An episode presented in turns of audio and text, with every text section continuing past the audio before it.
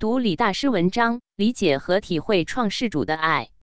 大纪元二零二三年六月二十九日讯，大纪元记者施平综合报道，在多语种大纪元的读者中有各种宗教和文化背景的人。当他们拜读了法轮功创始人李洪志大师的《为什么要救度众生》一文后，都表达了惊奇和共鸣。这些读者或是感到自己的信仰受到了创世主的认可。或是从文章的不同句子中感受到了创世主对众生的大爱，也有看到自己信仰的创世主出现在法轮功的信仰中感到高兴和欣慰。这是一篇经过深思熟虑的文章，说出了许多宗教所认为的真理。创世主的爱是无所不包的，这一基础贯穿了许多宗教和传统。一位名为詹妮特·切尔塞斯的读者写道。文章涵盖东西方宗教。署名杰兹莫曼的读者写道：“美丽的文章，认可了东方和西方的宗教，显示了我们创世主的大爱。”读者谢利尔高尔特写道：“虽然这是一个特定信仰体系的总结，但他在最后几行总结了所有的信仰，说我们都是造物主的生命，被造物主所爱。这就是我们需要相信和了解的一切。”读者拉斐尔哈德写道：“文章信息量大，表达清晰。创世主创造万物，这一点涵盖了大多数宗教。”读者尔文伊萨克认为，李大师的文章以一种普世和非教派的方式提醒我们，有一位创世主在注视着我们所生活的这个世界，这令人欣慰。读者小詹姆斯塞巴斯蒂安认为，为什么要救度众生？一文没有任何攻击性。显示的是至高无上的神在拯救人类。还有读者说很喜欢读这篇文章。如果全世界都能相信有一个神圣的创世主就好了。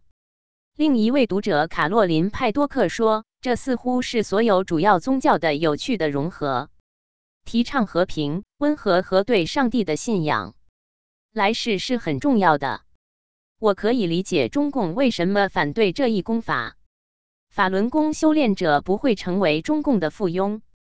我十分喜爱这篇文章，正是因为这句包罗万象的话留下的各类政教也是在为维护人类道德而存在，等待创世主最后的救度，这对我意义重大。读者玛利亚·摩尔斯说：“创世主承认所有的宗教，太好了！从文章句子中体会创世主的爱。”一位未署姓名的读者来信说：“我绝对同意这段话。创世主是天体中一切神的主，他是万主之主、万王之王的造就者，一切众生的主宰，包括他造的三界中的一切人、神、物。他的爱是对众生最高的圣恩。创世主拥有万事万物，没有人可以对此有议论。中共是撒旦，必须铲除。”署名为爱丽丝·威尔逊的读者写道：“这篇文章提醒读者，创世主的爱是普世的，他希望拯救那些试图以道德方式行事的灵魂，以及那些与创世主和其他人的联系时忠诚于普遍真理的人。努力做真正的善事是最高的精神目标。”这篇文章也是一个呼吁，提醒人们我们处于末世，我们不知道末世何时到来。只知道它将很快到来。读者弗兰克·法利亚斯写道：“这篇文章准确地描述了创世主对其子民的爱。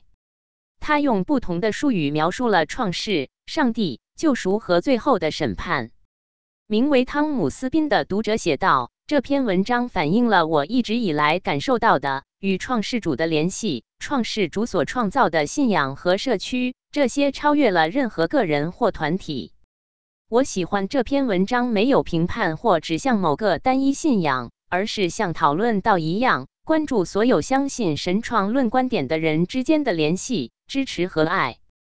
读者乔纳森·维登伯格对为什么要救度众生这篇文章的体会是很明显：创世主爱他所创造的他的孩子，他在整个历史过程中派出使者，教导并建立了一条明确的救赎之路。并让他们成为他的合作者，创造更多的世界，回来教导人们，作为代理人维持宇宙的平衡等等。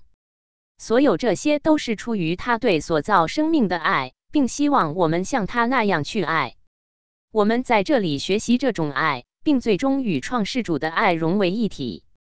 一位读者说，他从文章中体会到，只有一位慈爱的创世主指导我们的生活，并始终与我们同在。一位不具姓名的读者反馈，李大师的声音需要被听到。这篇文章真的让你思考我们的创世主。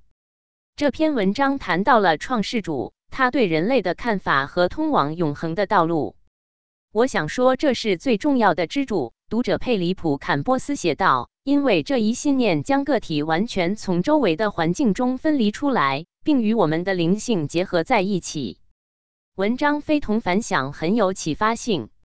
读者丹派迪特说，他很高兴大纪元发表李大师的这篇文章。他最喜欢文章中的一段话：“创世主为什么要救度众生？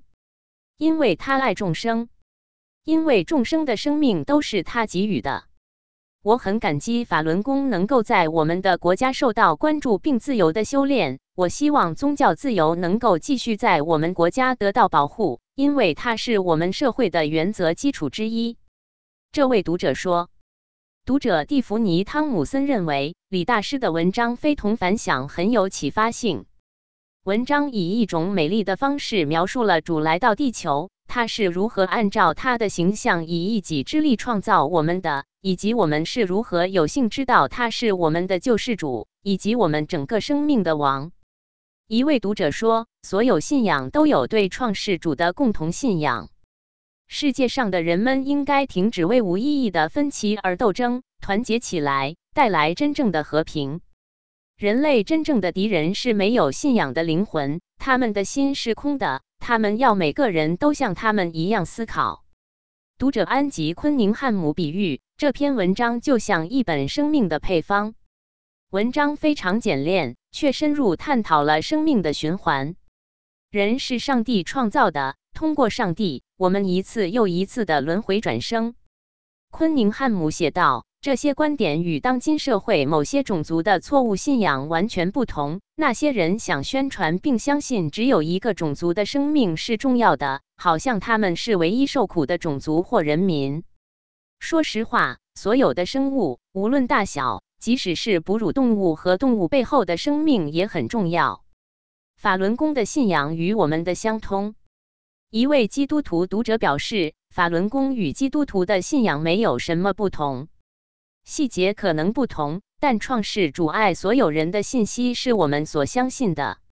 另一位基督徒读者写道：“作为一名基督徒，我想我们与法轮功的教义有共同的基础。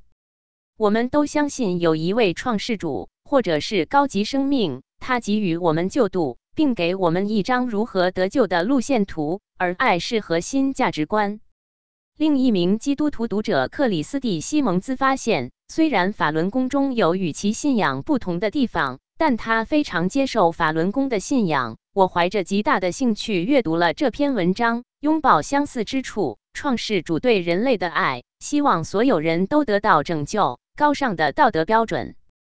基督徒读者凯西汤姆逊说：“让人了解到法轮功认可创世主非常重要。”李洪志老师对法轮功信仰的解释很有启发性。我意识到，这不仅仅是锻炼身体，而且要纯粹的相信和实践慈悲、忍耐、爱与宽容。法轮功认可有创世主的证据，我觉得这很重要。我要感谢李洪志老师的文章，感谢大纪元时报分享这篇文章。